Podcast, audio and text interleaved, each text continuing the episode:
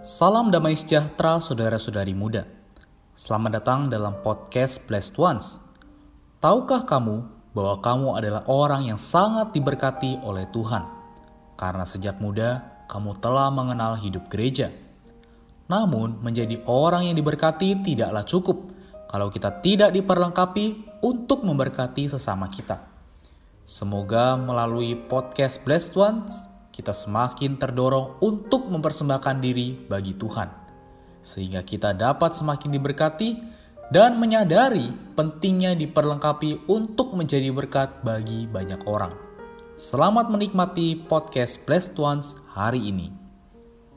Salam damai sejahtera saudara-saudari muda yang dikasih oleh Tuhan Yesus se-Indonesia. Kita kali ini berjumpa dalam program Voice Note Blessed Ones Kali ini saya membuka program ini dalam tema persembahan diri bagi orang-orang muda dalam hidup gereja. Judul kita hari ini adalah dua macam pengenalan. Salam sejahtera saudara. Puji Tuhan hari ini kita akan membahas tema mengenai dua macam pengenalan. Di sini kita ambil ayat dari 2 Korintus 5 ayat 16. Sebab itu kami tidak lagi menilai seorang pun juga menurut ukuran manusia, dan jika kami pernah menilai Kristus menurut ukuran manusia, sekarang kami tidak lagi menilainya demikian. Saudara, apakah dari kedua pengenalan ini adalah sebuah tahapan kita mengenal Tuhan atau hanya perbandingan saja? Apakah boleh dibantu? Uh, di dalam 2 Korintus pasal 5 ayat 16 ini kita melihat ini adalah sebuah perbandingan yang sesungguhnya menunjukkan tahapan kita di dalam mengenal Kristus. Karena ayat ini memberitahu kita bahwa para rasul pun yeah. sebelumnya pernah menilai Kristus menurut ukuran manusia. Yeah. Dalam bahasa dalam menurut daging. Mm -hmm. Tetapi sekarang dia tidak lagi menilai Kristus secara daging, tetapi menurut roh. Yeah. Kita bisa melihat dua macam pengenalan ini. Ada tertulis ada beberapa tiga ilustrasi di dalam kitab Injil yeah. yang membantu kita melihat perkara ini. Mm -hmm. Pertama adalah di dalam Yohanes 20 ayat 1 sampai 18. Yeah. Bagaimana pengenalan Maria Magdalena terhadap Tuhan Yesus setelah dia bangkit dari kematian. Yeah. Pada saat itu dia melihat Tuhan dan menyangka Tuhan dengan uh, matanya, dengan telinganya, dia dengan otaknya menganggap bahwa orang yang ada di hadapannya itu adalah tukang tak penjaga taman. Mm-hmm. Tetapi ketika Tuhan memanggil dia Maria, dengan spontan dia menyadari bahwa penjaga taman ini ternyata adalah Rabuni, gurunya, Tuhan yeah. Yesus di dalam kebangkitan. Jadi kita kita melihat di sini Maria Magdalena mengalami sebuah perpalingan dari pengenalan menurut daging hmm. menurut telinga, mata, dan otaknya yeah.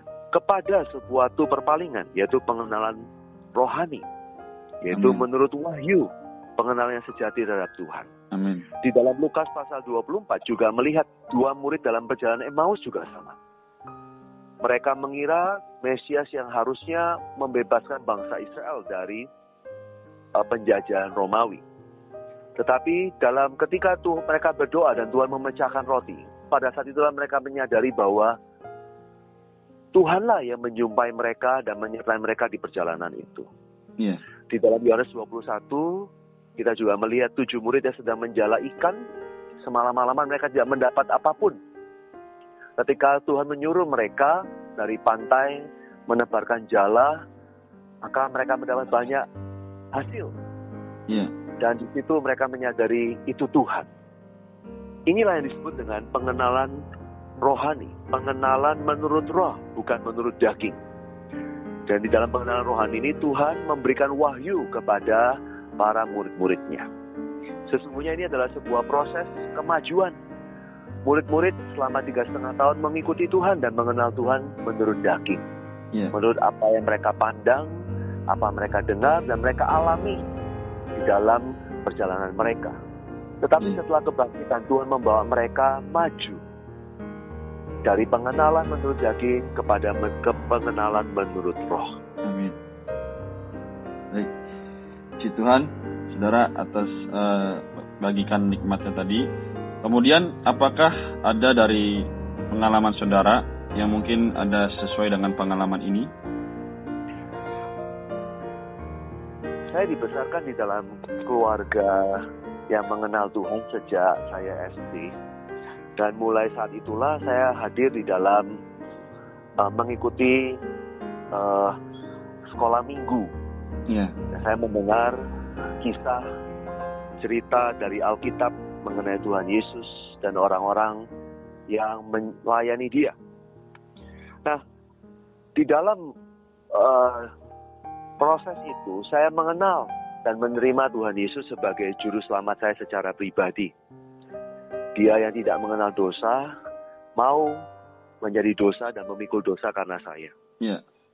Namun ada satu titik di dalam uh, ketika saya maju lagi di dalam mengikuti Tuhan, kira-kira saya usia SMA, uh, SMA ketiga, saya saat di saat itu mengalami uh, proses uh, ada kehilangan di dalam keluarga saya.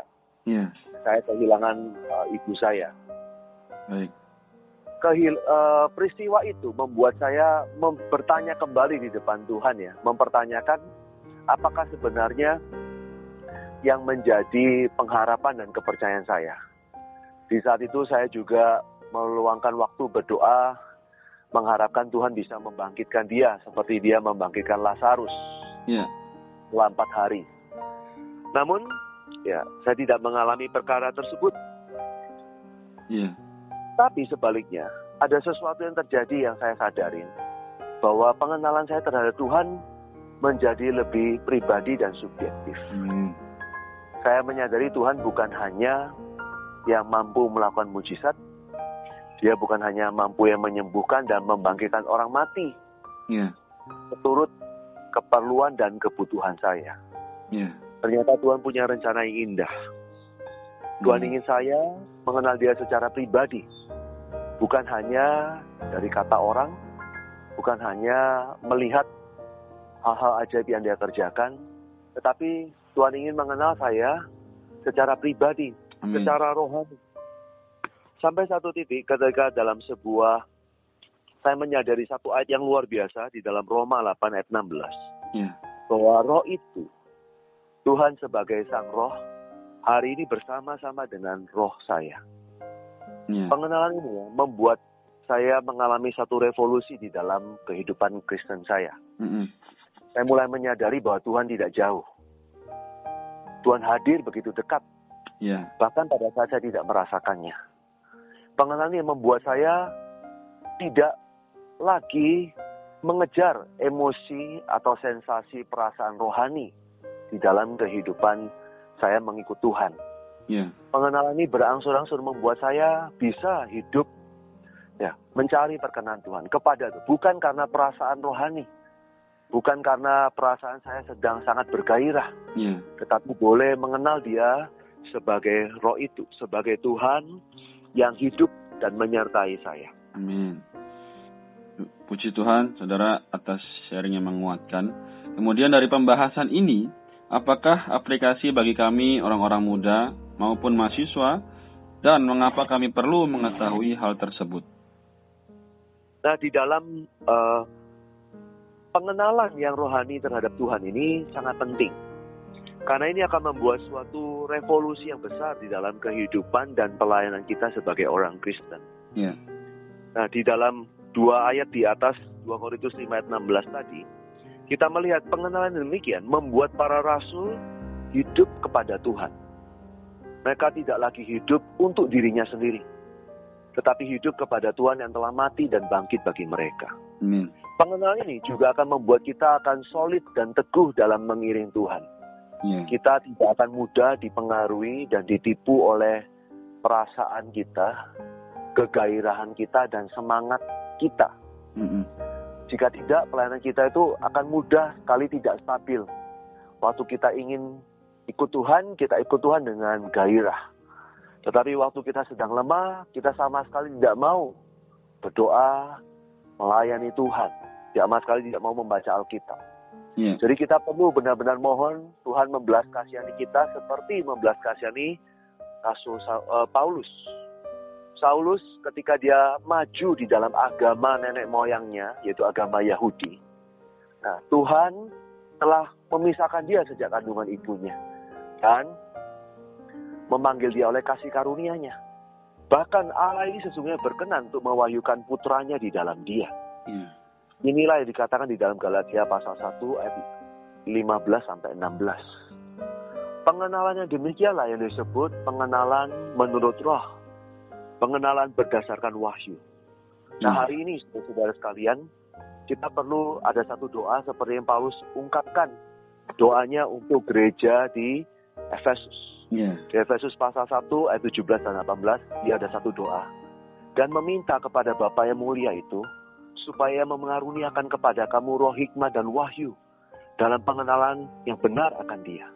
Dan supaya menjadikan mata hatimu terang, supaya kamu mengenal pengharapan apa yang terkandung dalam panggilannya. Ya. Pengenalan demikian akan membuat kita bisa melayani Allah di dalam pelayanan pendamaian. Seperti yang tercatat di dalam ayat 19 eh, ayat 18 sampai ayat 20.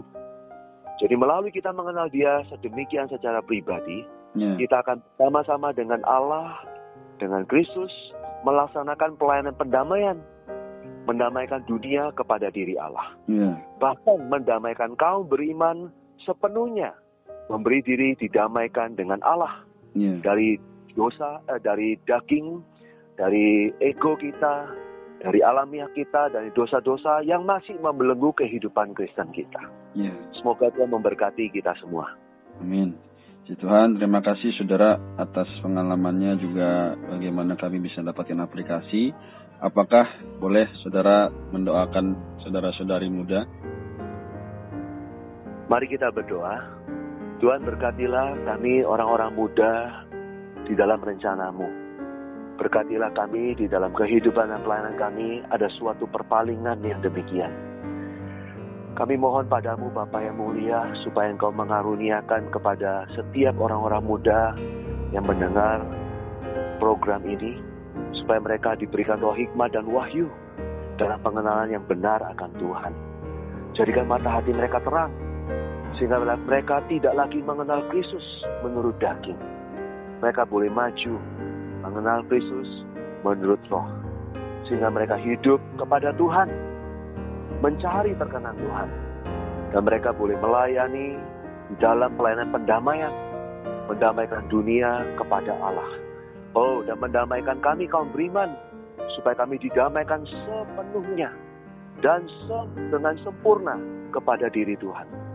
Di dalam nama Tuhan Yesus, kami serahkan setiap orang-orang muda yang mendengar program ini. Amin. Demikian, saudara-saudari muda yang dikasih oleh Tuhan Yesus, kita berjumpa kembali di program Voice Note Blessed Ones berikutnya. Tuhan Yesus memberkati. Sekian podcast Blessed Ones hari ini. Kami akan kembali pada podcast berikutnya. Anugerah dari Tuhan Yesus Kristus dan kasih Allah dan persekutuan Roh Kudus menyertai kita semua.